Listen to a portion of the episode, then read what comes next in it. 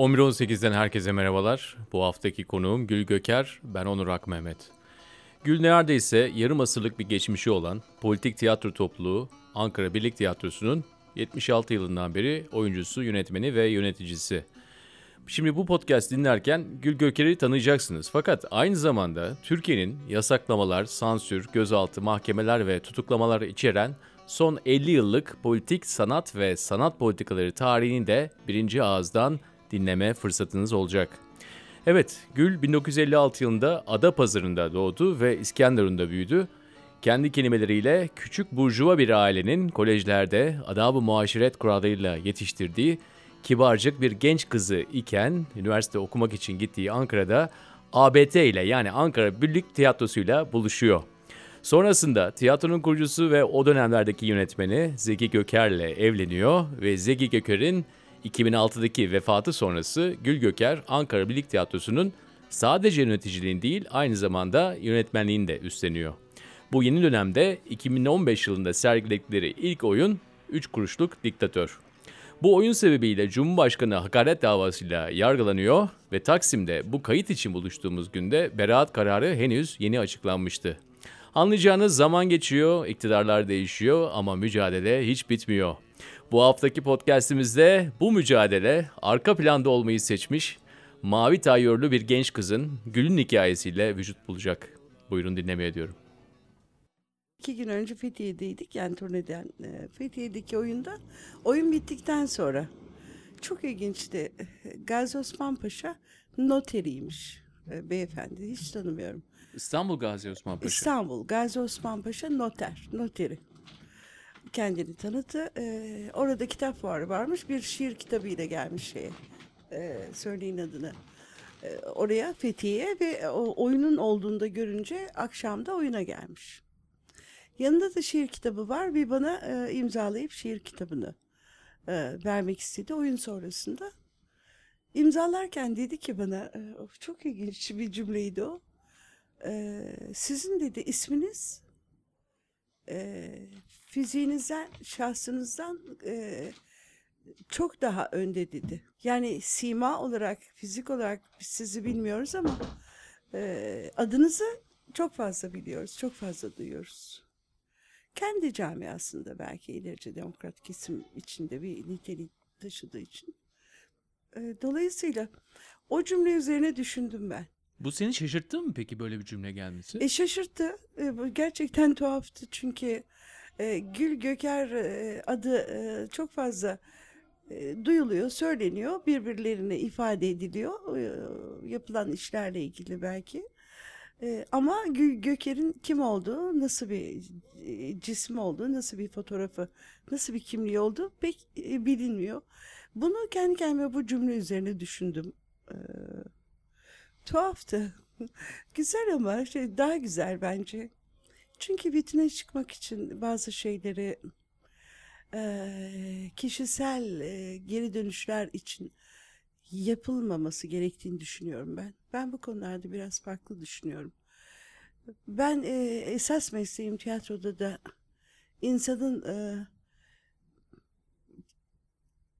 kendini tiyatroda e, sevmesi gerektiğini düşünüyorum. Tiyatroyu kendinde seven insanları çok sevmiyorum açıkçası. Yani tiyatroyu kendi egosu, kendi kişisel duyguları, kendi hazları, kendi hesapları için yapan insanları da çok sevmiyorum. Esasen seyirci de çok sevmiyor bunları. E, seyirci de anlıyor diyorsun bunları. E, çok güzel anlıyor giderek. Yani e, benim tiyatroya bakış açım da farklı.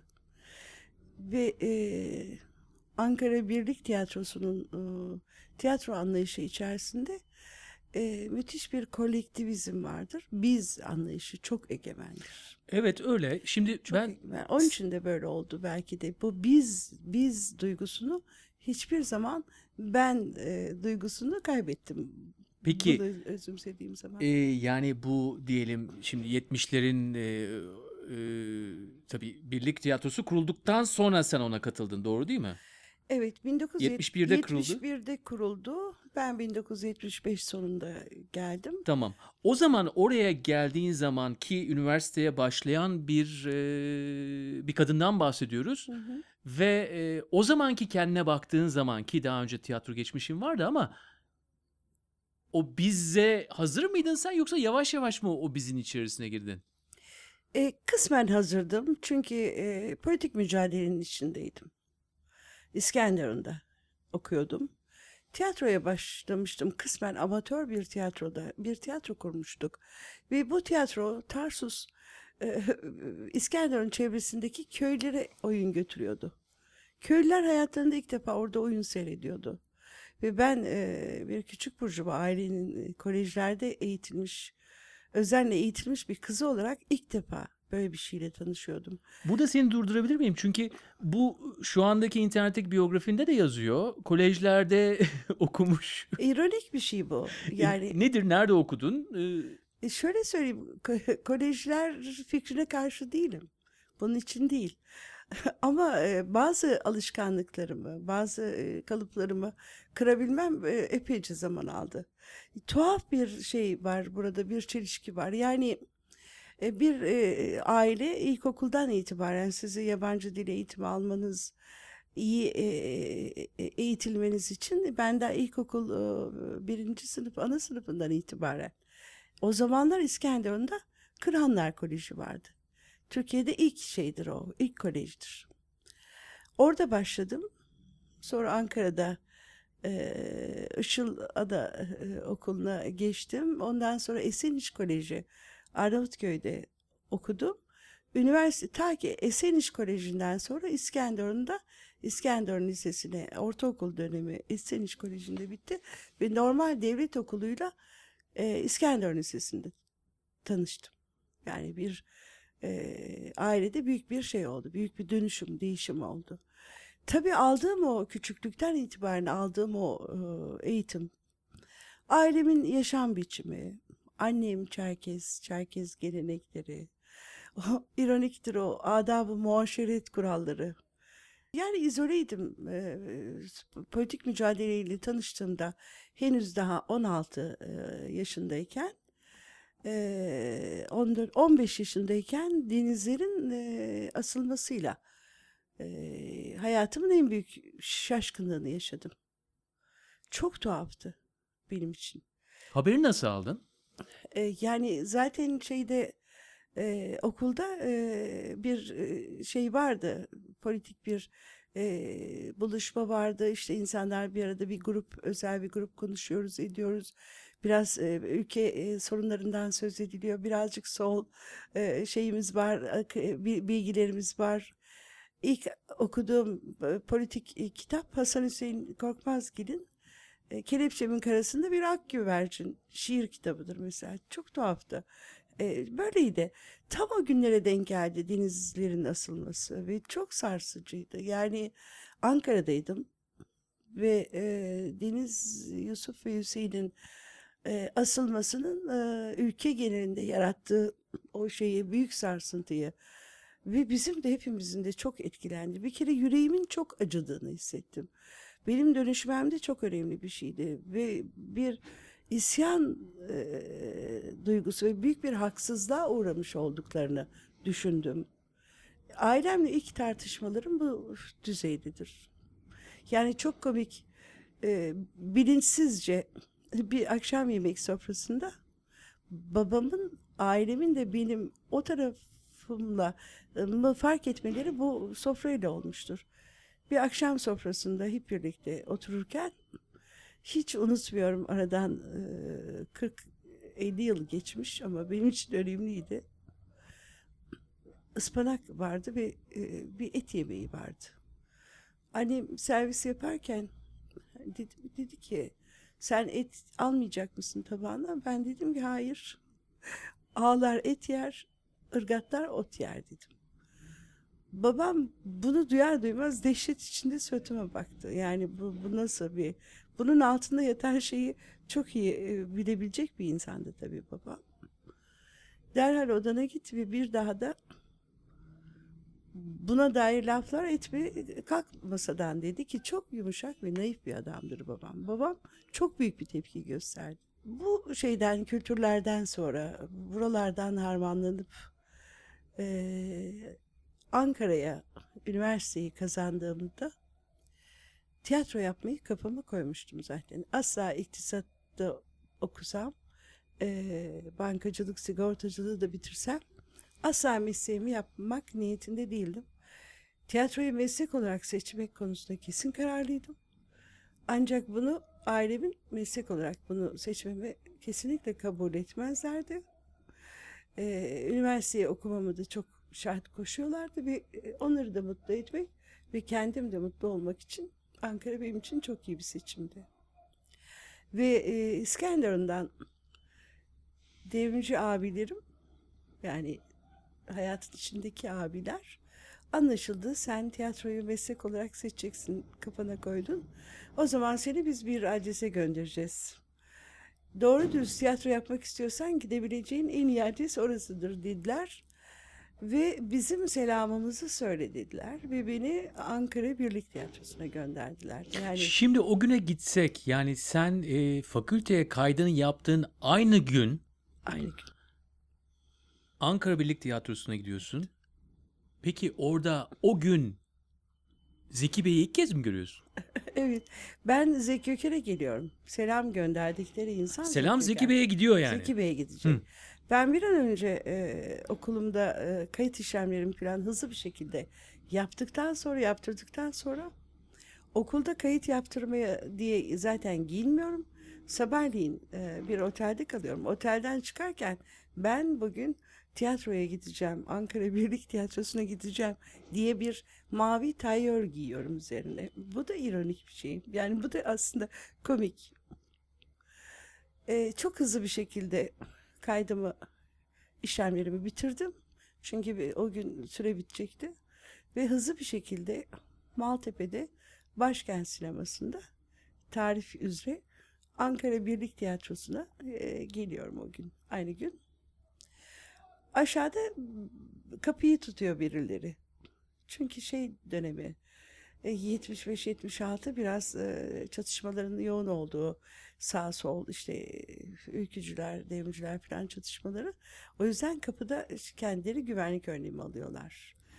Tepeden ayağa beni süzdü kapıdaki arkadaş. Buyurun dedi. Yani pek şeye benzetemedi. ne olduğumu tam anlayamadı. Ben dedim Zeki Öker'le görüşmem gerekiyor. Kimsin dedi bana. Ben dedim İskenderun'dan geliyorum. Ona selam getirdim. Yukarı çıkardılar. Bekleyin dediler siz burada. Biraz sonra çağıracağız. Büyük bir faaliyet var. Büyük bir e, restorasyon yapmışlar. Ve yarın akşam perde açılacak. Sezon başlayacak.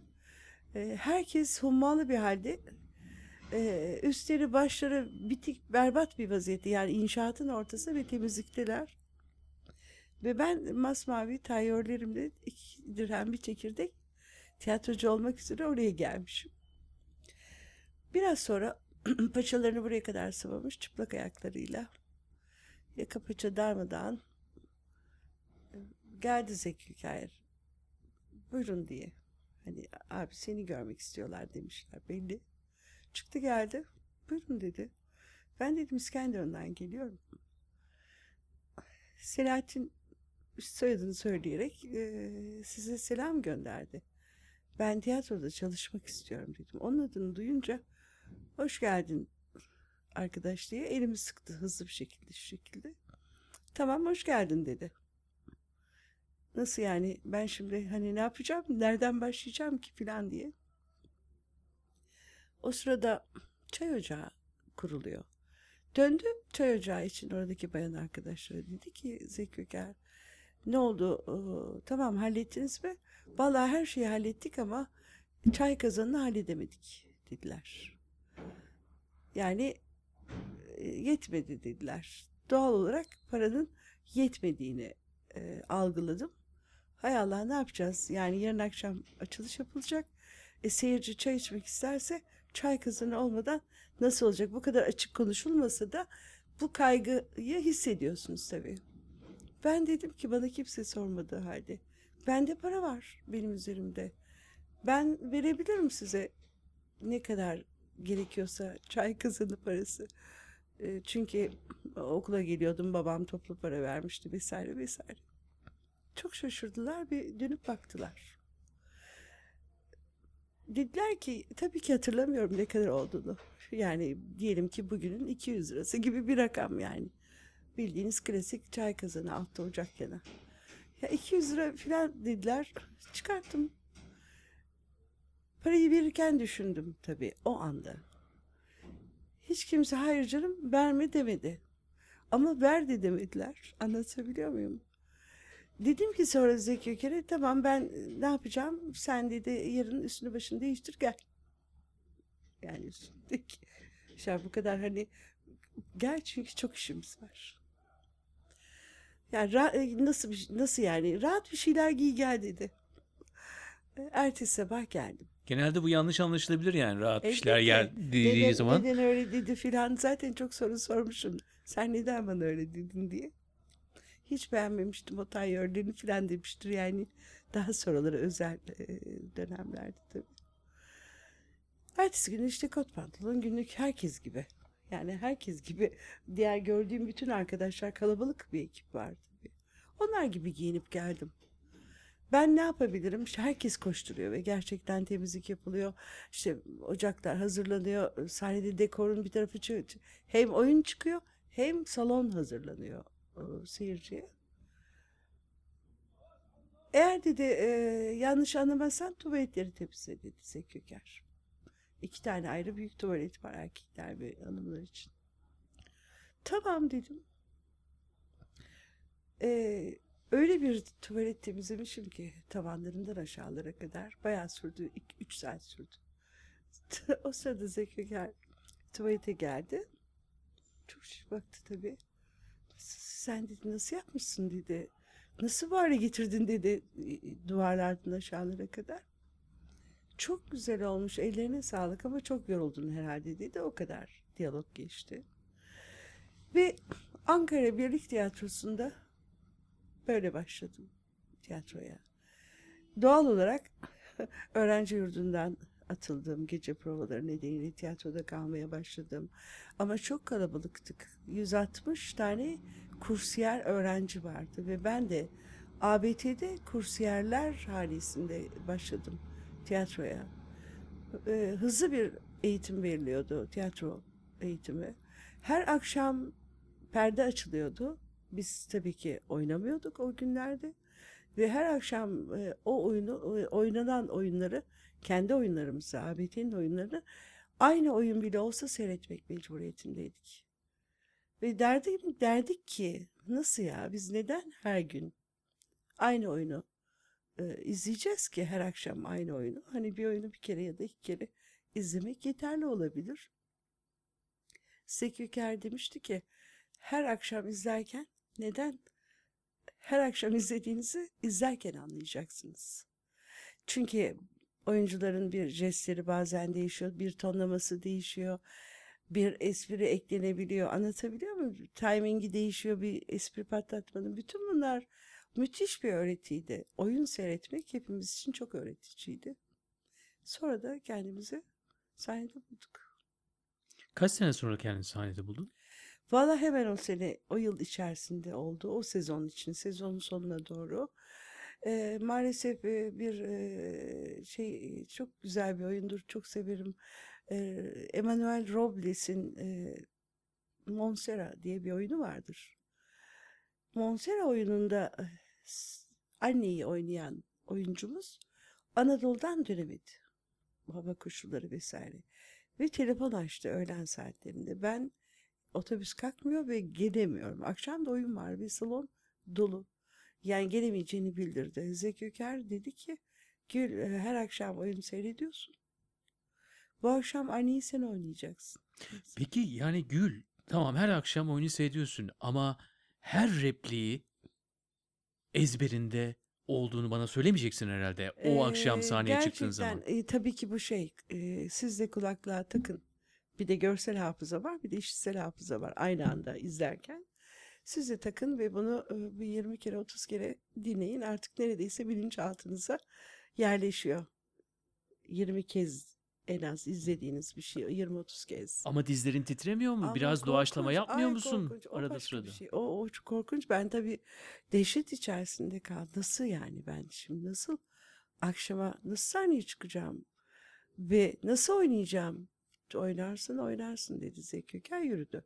Asistanı Haluk e, Ünal. Haluk'la çalışırsın dedi akşama. Haluk seni hazırlar. Tabii ki teksi alıp yeniden karşılıklı ezber geçerek ezber geçerek ama bütün mizansenleri ezbere biliyorsunuz. Yani hangi lafı söylerken nereden nereye gittiğini 20 kere izlediğiniz bir oyunu ezberle yani e, mizansenler açısından e, a- bilmemeniz mümkün değil. Yine de zaten ne yaptığımı hatırlamıyorum. Bütün ayaklarımın titrediğini. İlk lafımı söylerken bu anları hatırlayamıyorum. Fakat oyun bittikten sonra e, alnımdan öptü ve dedi ki aferin bak artık milli oldun. Bundan sonra yeni başlayacak olan oyunda da e, Güneş'in katlini oynuyorduk. O hemen arkasından e, çok önemli bir rol. Güneş'in karısını verdi ve çok zor bir roldü. Ben dedim oynayamam ki bunu. Yani e, konuşmaları filan bir tarafa bırakın. E, haykırarak e, geleceğim.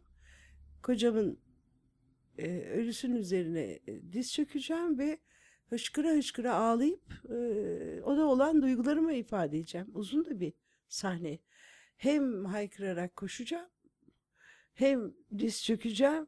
Oradan e, önce şaşkınlığı, dehşeti, ondan sonra derin acıyı, üzüntüyü peş peşe oynayacağım bir tonlayarak da e, bunu seyirciye geçireceğim. Ne kadar zor, ne kadar zor bir rol. Dedim ben, ben oynayamam. Oynarsın. Oy- çok zor. Ben gerçekten oynayamam. Çalış oynayacaksın. Sen kendini bana bırak. Dediklerimi hepsini yapmaya çalış. Oynayacaksın. Ve benim ilk profesyonel olduğum roldür. Güneşin katlinde. Güneş öğretmenin karısı. Öyle başladı. Kuşkusuz çok güzeldi tiyatro. Ee, yani sadece sahneye çıkmak, oynamak değil. O tiyatronun kapısından girdiğiniz andan itibaren bambaşka bir dünyanın kapıları açılıyor önünüze. İnsan ilişkilerinin çok farklı olduğu, daha temiz, daha izole, eee dostluğun, dayanışmanın, paylaşmanın, ortak üretimin bütün güzelliklerini, her şeyini yaşıyorsunuz. Yoklukların, eee, kuşkusuz çok sancıları da var. Zaman zaman ilişkilerde de bir sürü şeyler, olumsuzluklar yaşanıyor. Tiyatroda olmaması mümkün değil. Ama eee, hep düşünmüşümdür. Tiyatrodaki en güzel an e, beğenilmiş bir oyunun finalindeki seyirci alkışları mıdır sadece benim için? Yok, sadece bu değil. Tiyatro bunun çok ötesi, çok büyük anlamlar taşıyan bir e, misyon taşıyor benim için. Ben hep öyle gördüm. Peki e, o ilk seneden e, ve onun hemen sonrasında e, biz tabii e, çok 70'lerin sonlarına doğru geliyoruz. Çok hareketli Ankara. Çok. Ve e, bunun tiyatroya yansımaması da mümkün değil. E, siz de zaten içerisindesiniz. Peki o zamanlardaki ilk e, e, soruşturmalar, devletin içerisin, işin içerisinde olması, başka gruplarla olan ilişkiler, olayın o politik tarafını nasıl yaşamaya başladın? Özellikle o ilk dönemlerden bahsedersek. Zaten beni İskenderun'dan gönderen dostlarım, yani siyasal önderler öyle söyleyeyim. O dönemin önderleri.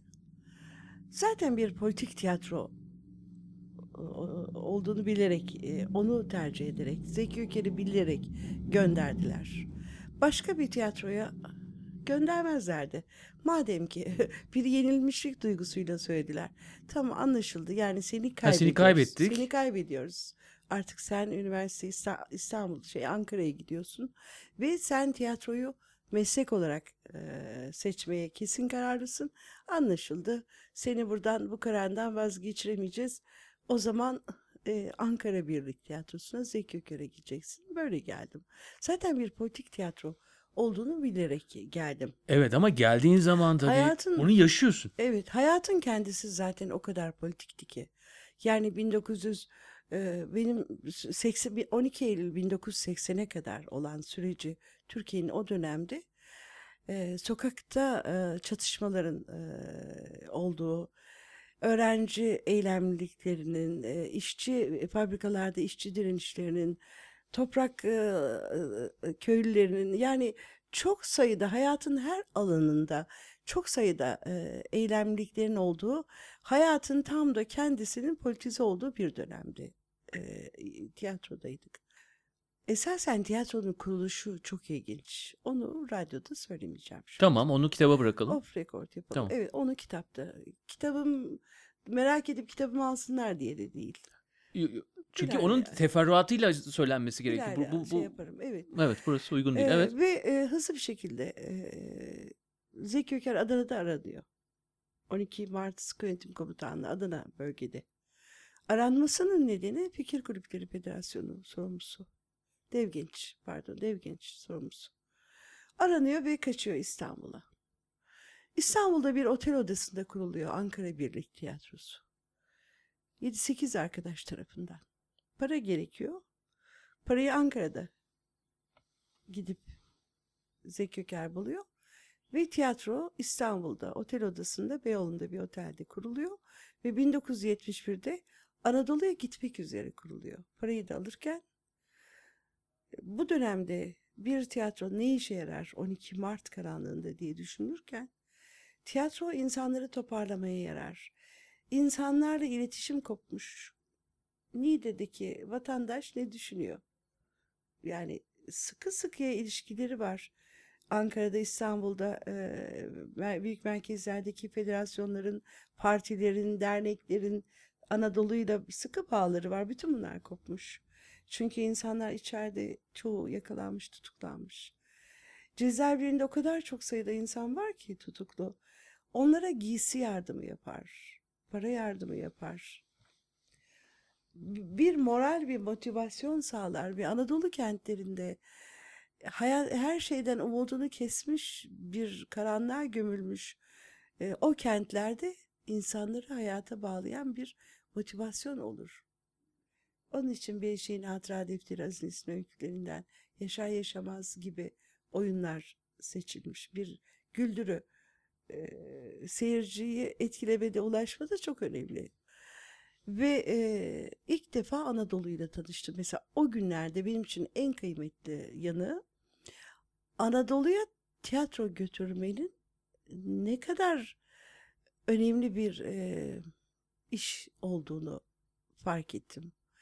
Yani o politik, e, kaotik ortamda biz e, Anadolu kentlerine tiyatro turnesi yapar dönerdik ve Ankara'da da oyunlarımızı belli periyotlarda oynamak zorundaydık. Zaman zaman da Anadolu'ya gider dönerdik. Ee, e, örneğin Güneşin Katli oyunu e, bir öğretmenin e, bir faşistler tarafından katledilen bir öğretmenin yaşam öyküsüdür. Yazarı da bir öğretmendi. Dolayısıyla Öğretmenler Sendikası, biz Türkiye Öğretmenler Sendikası'yla benden önce başlamış ABT'de ilişkiler 71'de. Ta Yaşar Ne Benim- Yaşamaz'ı ilk Aynen, oynadıkları Yaşar zamandan zaten başlamış. Aynen öyle. Ondan sonra TÖS'ün devamı TÖBDER. Benim zamanımda 1975-76'lı yıllarda TÖBDER'ler bütün Anadolu kentlerinde İsrail oyunu istiyorlardı. Esasen 1971'den 76'ya salona yerleşinceye kadar olan o 5 yılda kesintisiz Anadolu turnelerinde ekip yani tiyatro kuruluyor ve e, Anadolu'nun bütün noktalarında hiç dönmemesiye e, İstanbul, Ankara'ya hiç dönmeden turne yapıyorlar. Bütün kentlerle. E, dolayısıyla zaten daha önce Yaşar Yaşamaz'ı Kara Düzeni, Yeniden Doğarız Ölümler diye oynamış olan bu ekibin e, dört, e, Monsera olsun e, Bilişim Katli oyunları zaten biliniyor ve isteniyor. İsteyen yerlerin hepsine gidebilmek mümkün değil. Çünkü Ankara'da kalıcı yerleşik salona e, girilmiş ve artık Ankara'da yerleşik tiyatro olmakta önem taşıyor. Ve bu yüzden Ankara'yı da çok fazla seansları aksatmadan boş diğer zamanlarda. Tamam o zaman benim kafamda Gidiyoruz. biraz hikaye oluşmaya başlıyor. Çünkü senin girişin esas da bu e, Anadolu'da bu kadar oyun oynamış bir topluluğun yerleşik hayata geçtiği ilk dönemler. İlk ay Bir garip bir kısmet tarafı da var tabii. Yani senin oraya gelişin ve e, ilk e, tanışmanız diyeyim. e, orada işte o gün tanıştık. Hoş geldin arkadaş. O güzel. İlk yılı geçirdiniz. İlk oyununda Ee, oynadın. Çay, Birisi e, gelemediği için. kazan, e, onun yanında oldu e, bu konu kazan meselesi. O verdiğim o küçük miktar para için e, bir tek o şöyle bir yanıt verdi.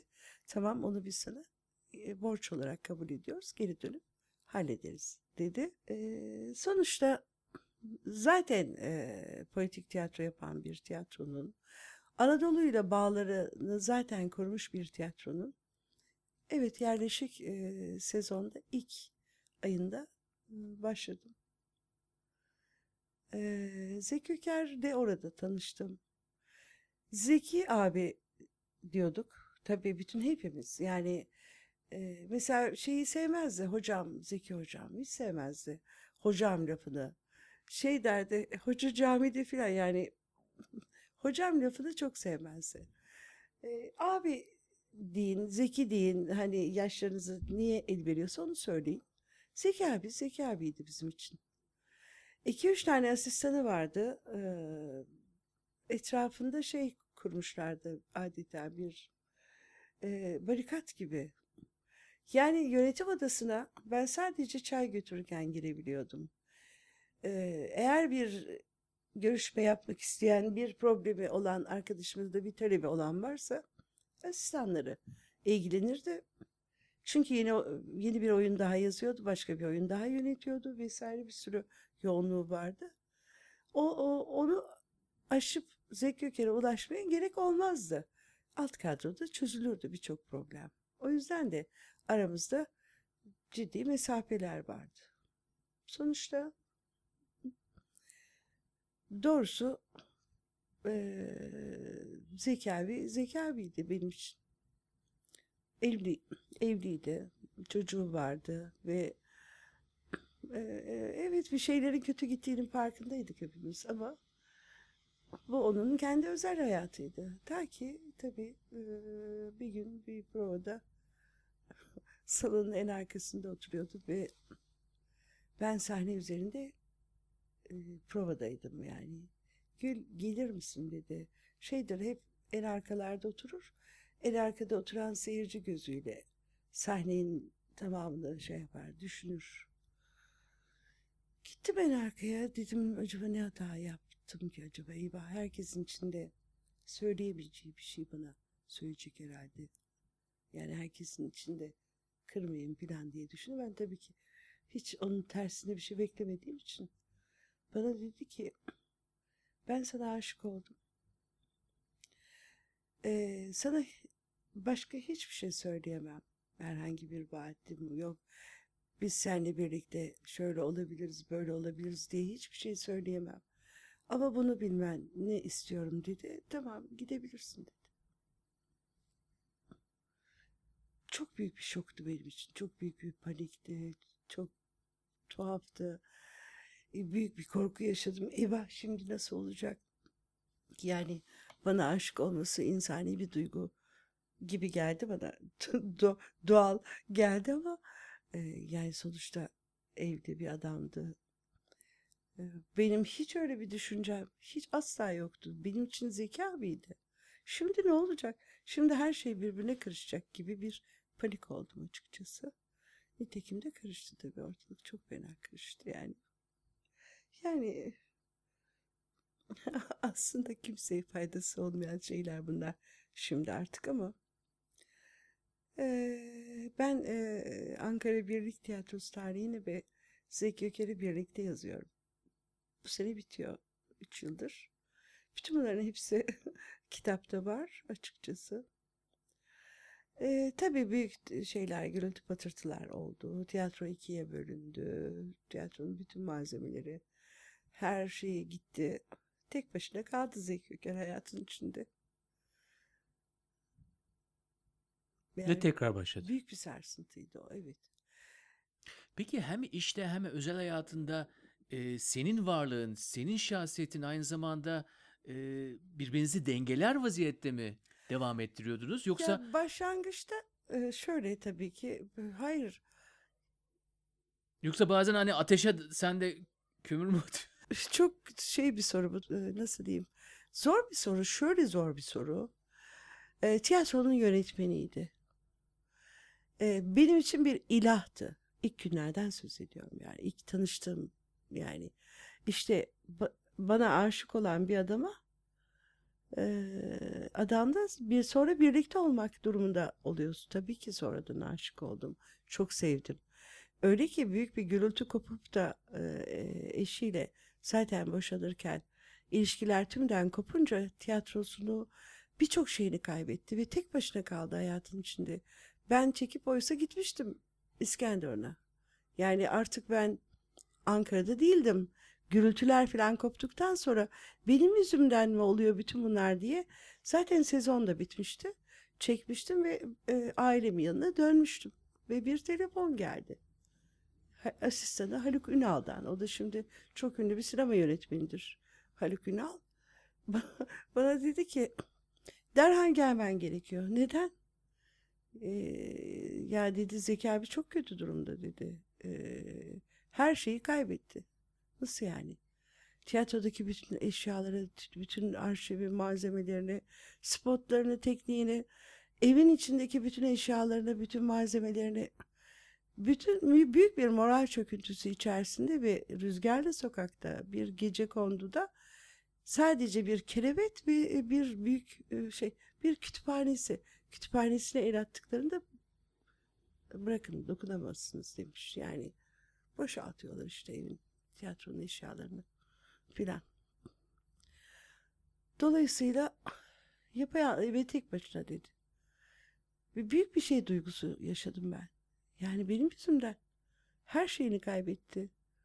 Ve onun yanında olmak zorundayım ben. Hani gelmelisin dedi. Hani gel ve toparlayalım. Bu enkazı kaldıralım beraber.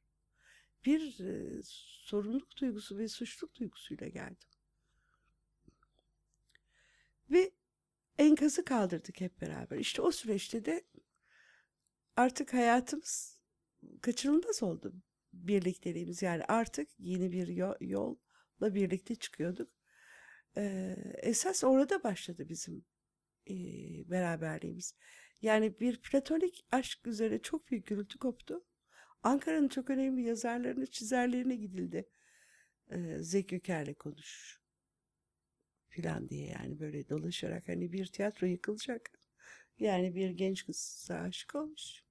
Vazgeçsin. Şudur budur. O da çok sert yanıtlar verdi. Çok yakın gaz, e, yazarlar, gazeteci dostlarımıza hepsine. Hasan Hüseyin Korkmazgiller var. Bunun içinde Ever Gökçeler var. Bu söylediğim insanlar çok önemli insanlar. Yani ben e, kimseye hesap vermem. Özel hayatımla ilgili de- demiş. Ve artık döndüm ve bizim için vazgeçilmezdi. Anadolu kentleri onu müthiş bir şekilde benim kişiliğimi, hayata bakış açımı, tiyatroya bakış açımı, her şeyimi e, belirleyen çok önemli bir şeydir, e, süreçtir. Anadolu turneleri.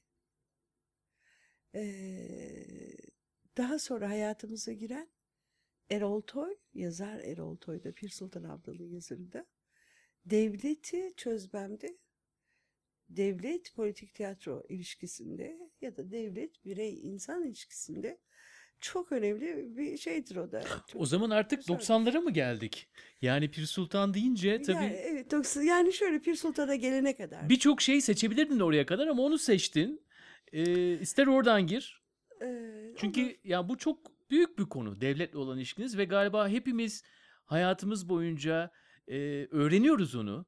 E, hem devlet olgusuyla hem de Türkiye'de olan devletle olan ilişkimiz. Bazen evimize geliyor mahkeme e, celbi işte kocaman Türk milleti adına yazıyor. Bir anda böyle Aa, ne demek bir anda böyle için tabii irkiliyor. Bunu defalarca defalarca türlü şekillerde yaşamak da ama aynı zamanda devletin de ne tür bir e, sıcaklık da olabileceğini de hissedenlerimiz var. Çok ilginçtir, çok zengin bir konu ama istediğin yerden gir. Pir Sultan deyince ben hemen aa 90'lara geldi Yani dedim. Tabii şöyle söyleyeyim. Tabii Pir Sultan'a gelebiliriz. Pir Sultan'a gelmeden önce 1971'de Ankara Birlik Tiyatrosu başladığında başladığı ilk oyundan itibaren tabii eee, 12 Mart süreci var.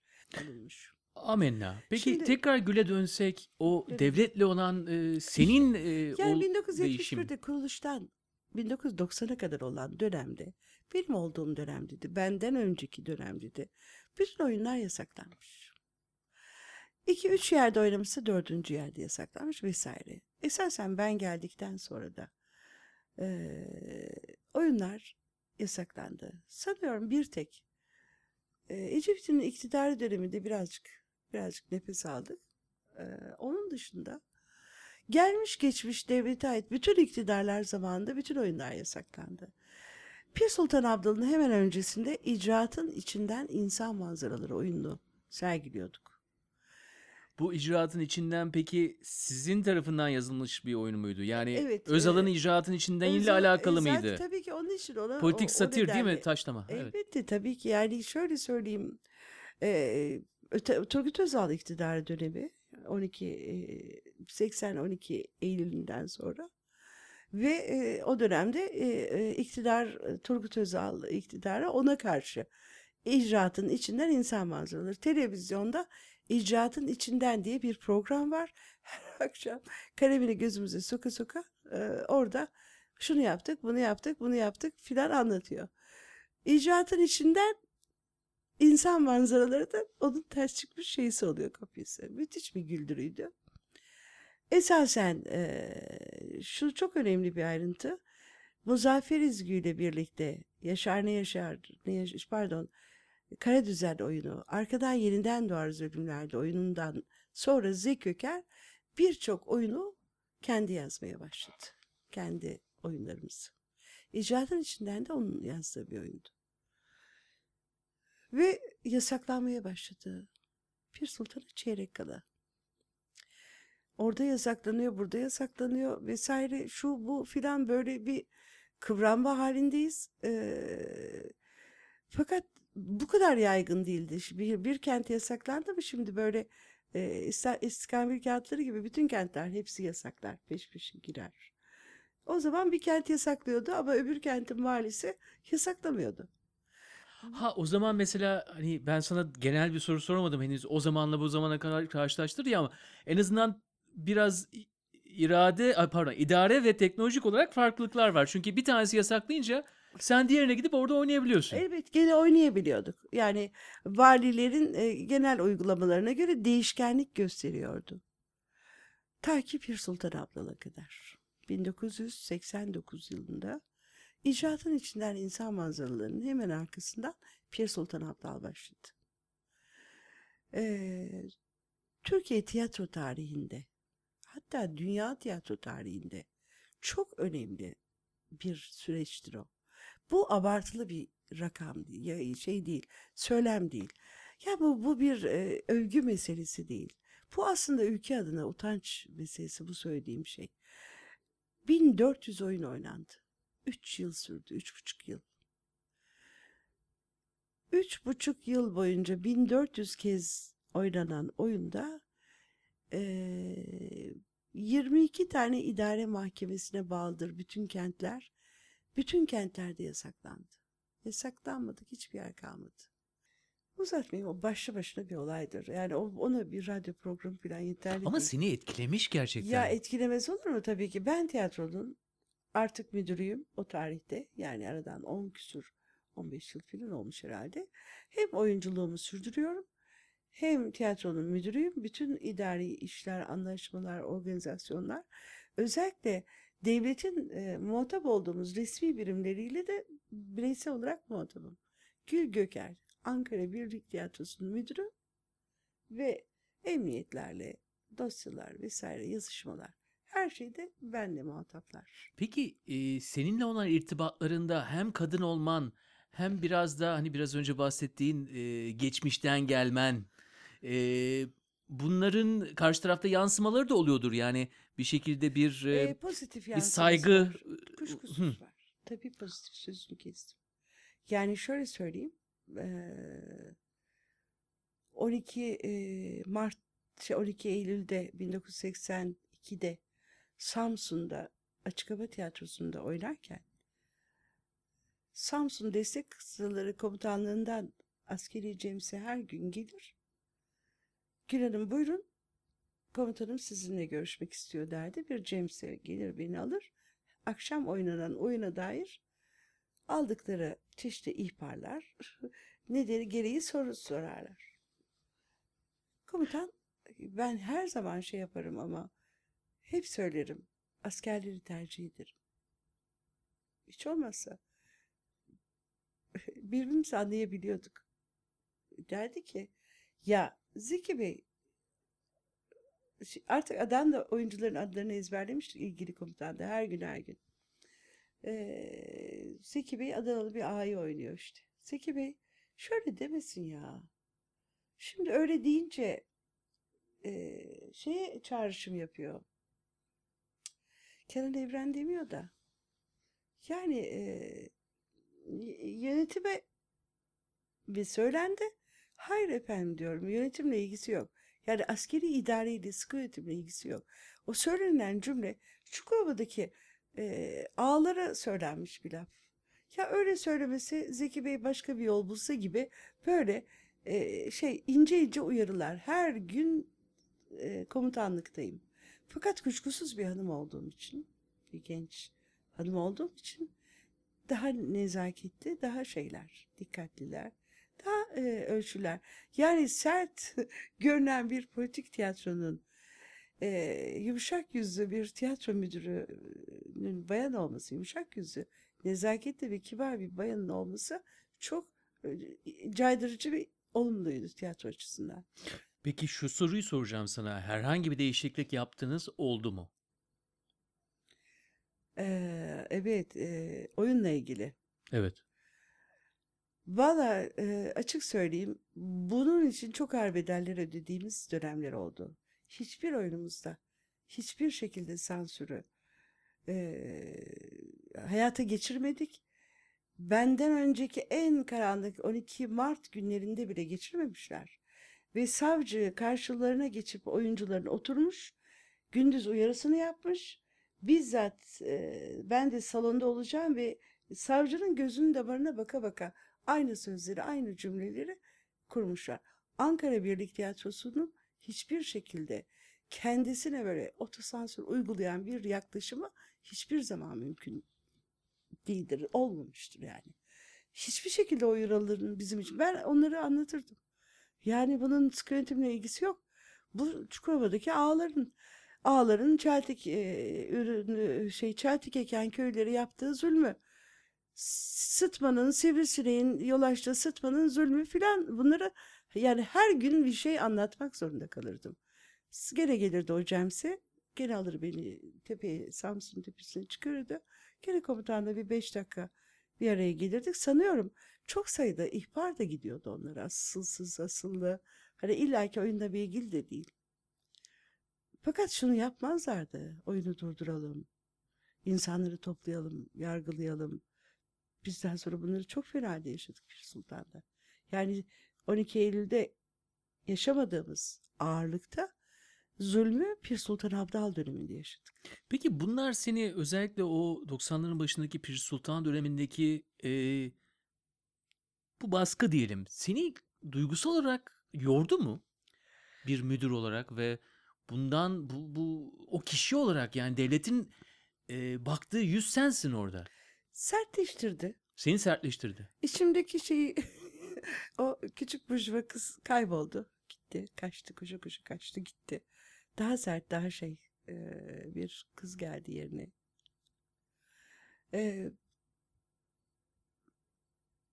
fakat çok güzel bir tarafı vardı. Hep kazandık. Hep kazandık. Erol abi oyunu yasaklamaya gelmiş. Daha sonra da mahkeme kararıyla yelkenleri indirmiş nice polis şeflerinin koluna girip böyle saatlerce bahçede, salonun bahçelerinde tur atarak onlara devletin geleneğini, yapısını, şusunu busunu anlatmıştır. Yani bu zihniyetin aslında Osmanlı'dan bu yana geldiğini, muhalif olan herkesin bir şekilde bedel ödediğini, ta e, Hallarcı Mansurların, Nesimilerin devamı olduğunu Pir Sultan Abdal'ın, e, Tevfik Fikret'i de e, bildiğimizi zannettiğimiz birçok şeyin esasen perde arkasında neler olduğunu ondan öğrendim.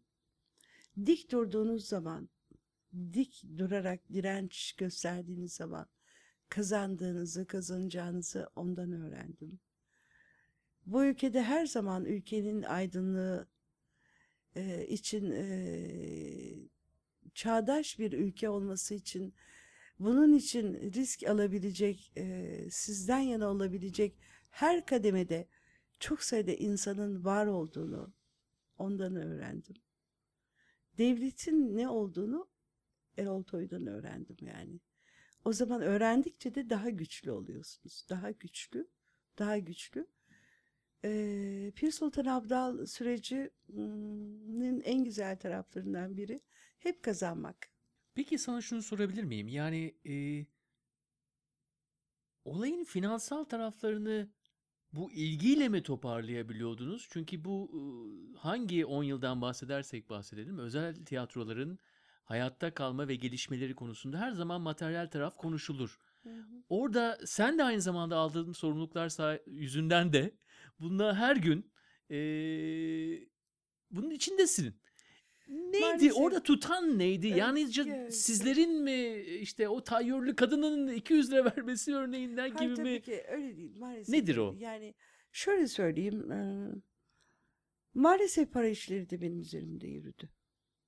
Çünkü Zeki Öker parayı hiç sevmeyen yani parayla alışveriş kurmak istemeyen bir adamdı. Yani Zeki Öker'le birlikte olmak artık onunla bir yaşam yoldaşlığı, hayat ortaklığı kurmak Ankara Birlik Tiyatrosu içindeki e, misyonumu, sorumluluklarımı daha başka bir boyuta taşıdı. Kuşkusuz yoğun emeğimin, çabamın, e, performansımın çok büyük etkisi var. Yani Zeki Öker'in eşi olduğum için değil. Ama e, bazı şeyleri net bir şekilde yani bir tiyatro sırtınıza yüklenmiş durumda. Onu taşımak zorundasınız. Zeki Öker'le birlikte taşımak zorundasınız. Birileri geliyor, birileri gidiyor bazen. Herkesin dayanma gücü o kadar değil. Yani anlatabiliyor muyum? 3 sene, 4 sene, 5 yıl insanlar kalıyor. Okuyanlar üniversitelerini bitiriyor, meslek sahibi oluyor, kaymakam oluyor, mimar oluyor, mü- mühendis oluyor filan. Ama siz hep orada demirbaşı olarak oradasınız. Ee, bütün anlaşmalar size sizin üzerinizden gelir gider oyuncu ilişkileri para ilişkileri her şey benim üzerimde. İdari sorumluluklar benim üzerimde. Zeki Öker'le işleri paylaşmıştık. O bütün sanatsal genel san- sanat yönetmeni olarak oyun seçimleri, oyunun sanatsal niteliği, onların hayata geçirilmesi, oyuncular, oyunun hazırlık süreci, hazırlanması. Eee, bunların olabilmesi için gereken ayniyat ve para konusu ve bu, bu oyunların nerelere gideceği, nerelerde oynanacağı konusunda benle ilgili bir konuydu. Eee, buna hazır mıydım? Bunu istiyor muydum? Tiyatroya girerken böyle bir şey mi düşünüyordum? Hani bunu mu bekliyordum? Hayır, hayır. Yani hayatın içerisinde öyle bir süreç geldi ve bizi öyle bir aldı ve içine çektik bir amfor anafor gibi. Ee, diğer tiyatrolardan farklı bir tiyatroyduk. Devlet yardımına başvurmayan tek tiyatrodur Türkiye'de. Tarihte örneği yok. Fakat o kadar çok seyircisi var ki. Yani şöyle bir şey olurdu çok eskiden. Biz oyun çıkartıyoruz. Yozgat'a geleceğiz ya da Niğde'ye geleceğiz ya da işte Kayseri'ye geleceğiz. Ya bize biraz avans göndersenize. 100 lira, 200 lira, 300 lira gelecek diyelim ki. Ağaç alınacak. Ağaç şey dekor çakılacak. Vesaire vesaire. Kumaş alınacak, bez, kostüm dikilecek. Yani bu tür talepleri daha gitmeden Anadolu'dan bize avansı gelirdi. Öylesine sınırsız bir güven vardı aramızda. Ya da benim gibi mavi elbiseli birinin bir yolu düşerdi de şeye tiyatroya. Ya Zeki ne, onu mu ağaç mı alamıyorsunuz? Onu aldığınız çivi mi boya mı lazım? Bir şekilde bir çözüm ilk zamanlar böyleydi. Kuşkusuz ondan sonra yeni bir prodüksiyon yapılırken o prodüksiyon için gereken bütün koşulların, şartların daha profesyonelce hazırlanması konusunda e, çaba harcamak da benim işimdi, sorumluluğumdu. E, bir evimiz yok. Bir, hiçbir zaman olmadı bir evimiz. Yani bir aracımızın olduğunu hatırlamıyorum. Yani bir özel arabamızın olduğunu. Fakat e, 4-5 tane kültür merkezini sıfırdan yapıp büyük inşaatlar yaptığımızı en son Aksaray'daki salonumuza 100 bin mark o zaman mark vardı euro değildi. 100 bin mark para harcadığımızı yurt dışından türelerden getirip orayı iki buçuk üç senede inşa ettiğimizi biliyorum. Çünkü bizim özgür olabilmemiz için, kendimizi özgürce ifade edebilmemiz için kendi salonlarımıza ihtiyaç vardı. Tabii ki bir eve ihtiyacımız vardı. Dört tane çocuğumuz vardı. Tabii ki bir arabamız olmalıydı hayatımızı kolaylaştıran. Mesela e, Türkiye'nin en çok turne yapan tiyatrosuyuz. Bir otobüsümüz, bir turne arabamız hiç olmazsa olmalıydı. Hayır, olmadı. Bunlar olamadı. Hiçbir zaman olamadı.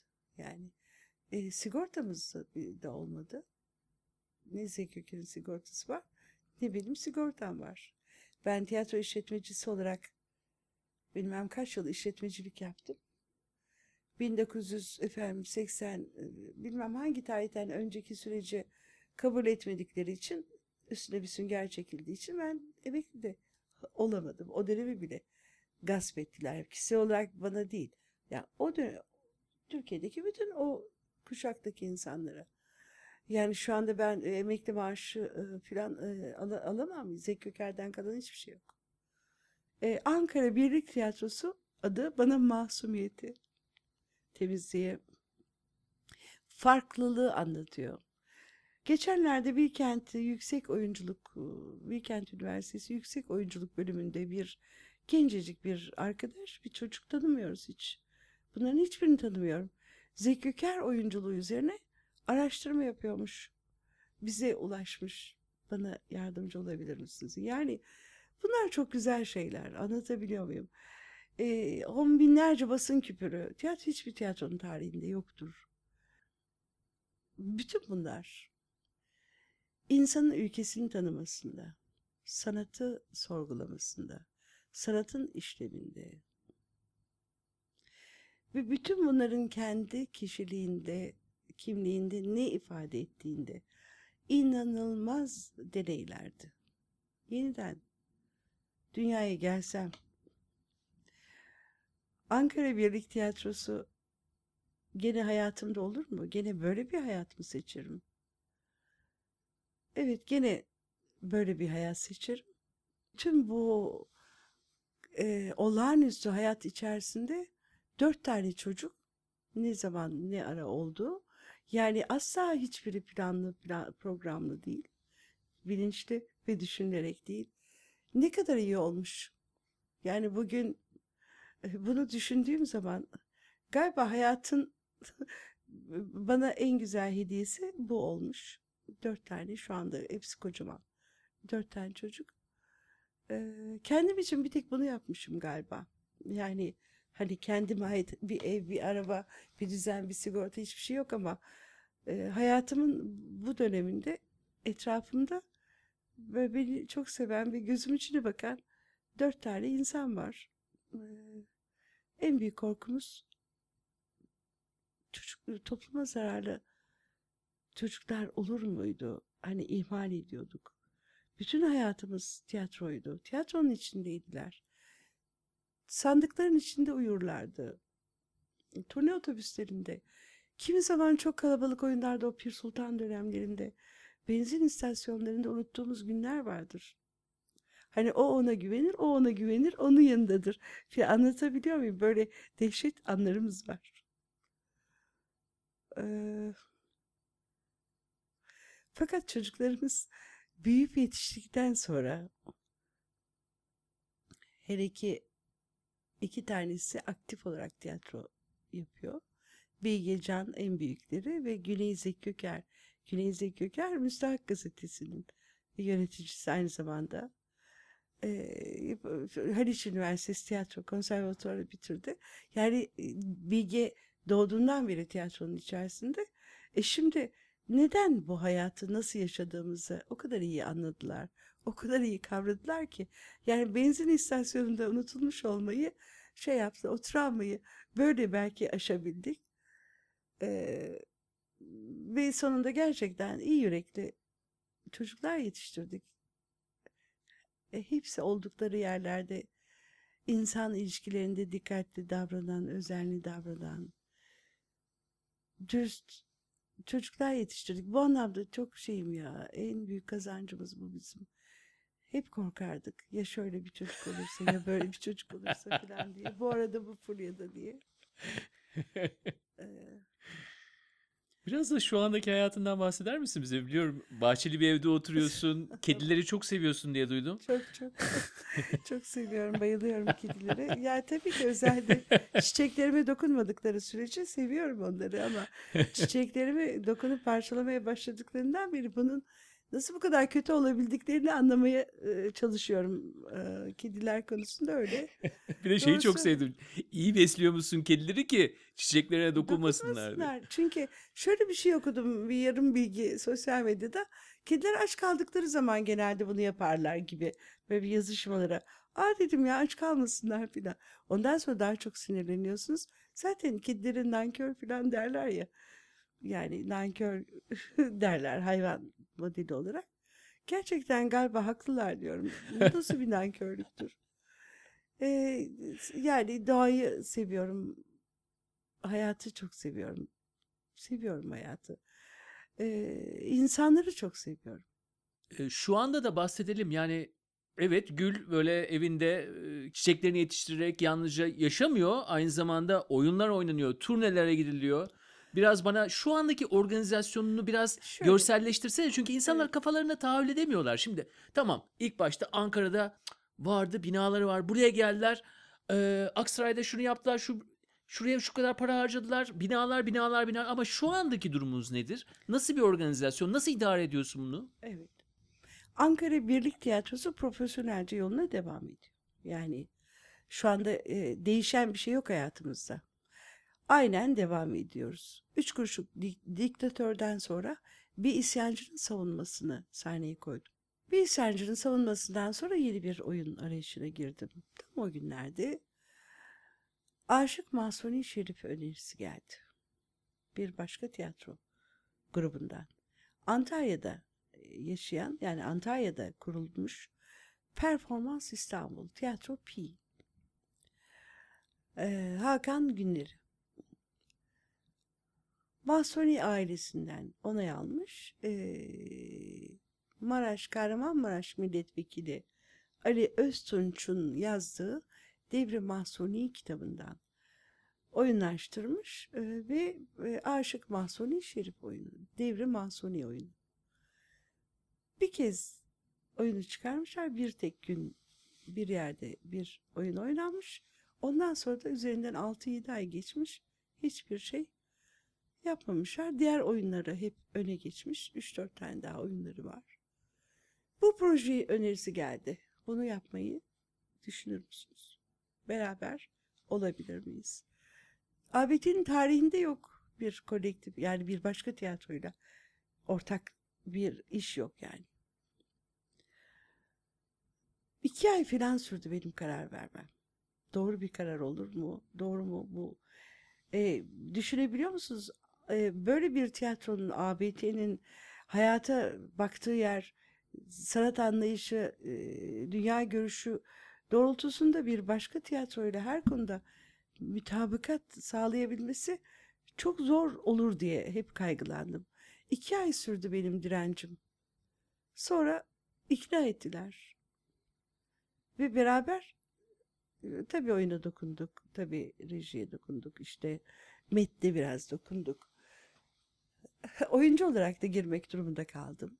Ankara Birlik Tiyatrosu'nun oyuncularıyla Performans İstanbul'un oyuncuları kolektif olarak Aşık Mahsuni'yi yeniden e, sahneye çıkardık. Yani sahneye koyduk ve e, bu sezona öyle girdik.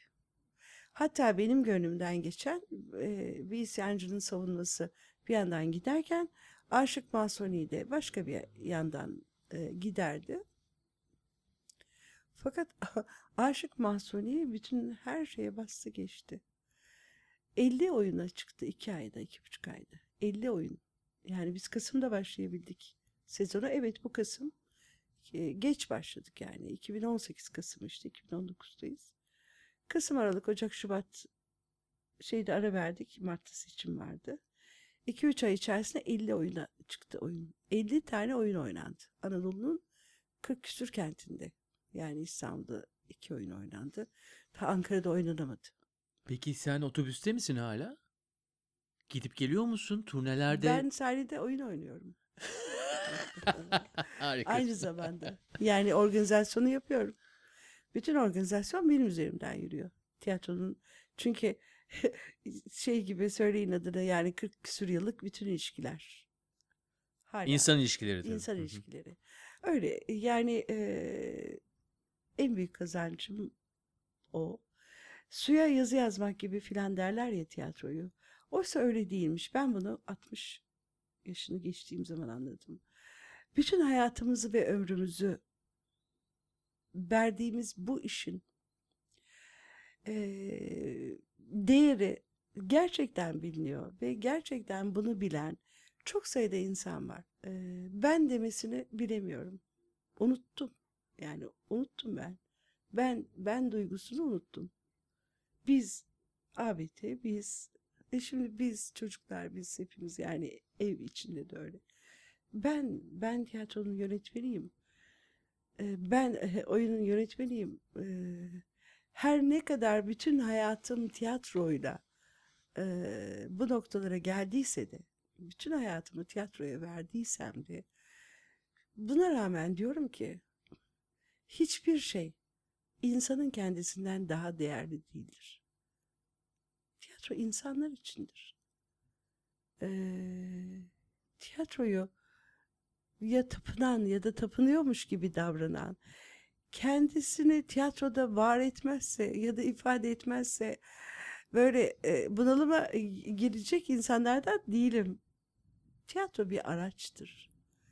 İnsanı eğitmekte, insanı dönüştürmekte, insanları aydınlatmak için çok önemli bir araçtır. Tiyatronun araç olduğunu bilirseniz daha aklınızla yönetirsiniz tiyatroyu da kendinizi de. Va öyle yapmışsın zaten Gül. Yani sen belki ben diyemiyorsun ama ben şimdi sana sen diyeceğim. Sen de yakın Türkiye e, tarihinin en kuvvetli şahsiyetlerinden biri oturuyor karşımda. Benim benim için gerçekten keyifliydi ya. Çok teşekkür ederim Gül burada Ben olduğun için. teşekkür ederim. Ee, ben teşekkür ediyorum. Çok şekersiniz. Ee, bunu içtenlikle söylüyorum. Bana böyle nostaljik bir duyguya da götürdünüz. Yolunuz açık olsun. Teşekkür ederim ilginize.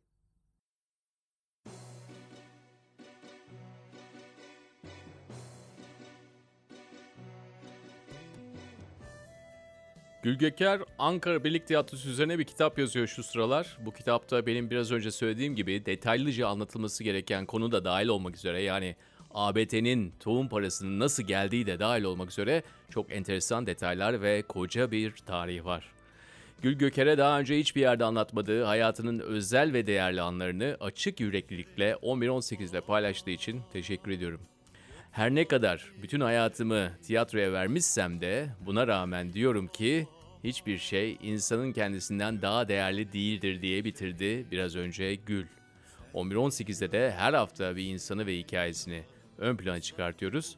Konu ve konuklarımızdan haberdar olmak için bizi sosyal medya hesaplarımızdan takip edin. Ayrıca 11.18'e destek vermek istiyorsanız anlatmayı ve dinlemeyi bilen bir sevdiğinizle paylaşın bizi ve ona nasıl dinleyeceğini de gösterin. Programlarımızı 1118.com dışında çok farklı şekillerde dinleyebilirsiniz.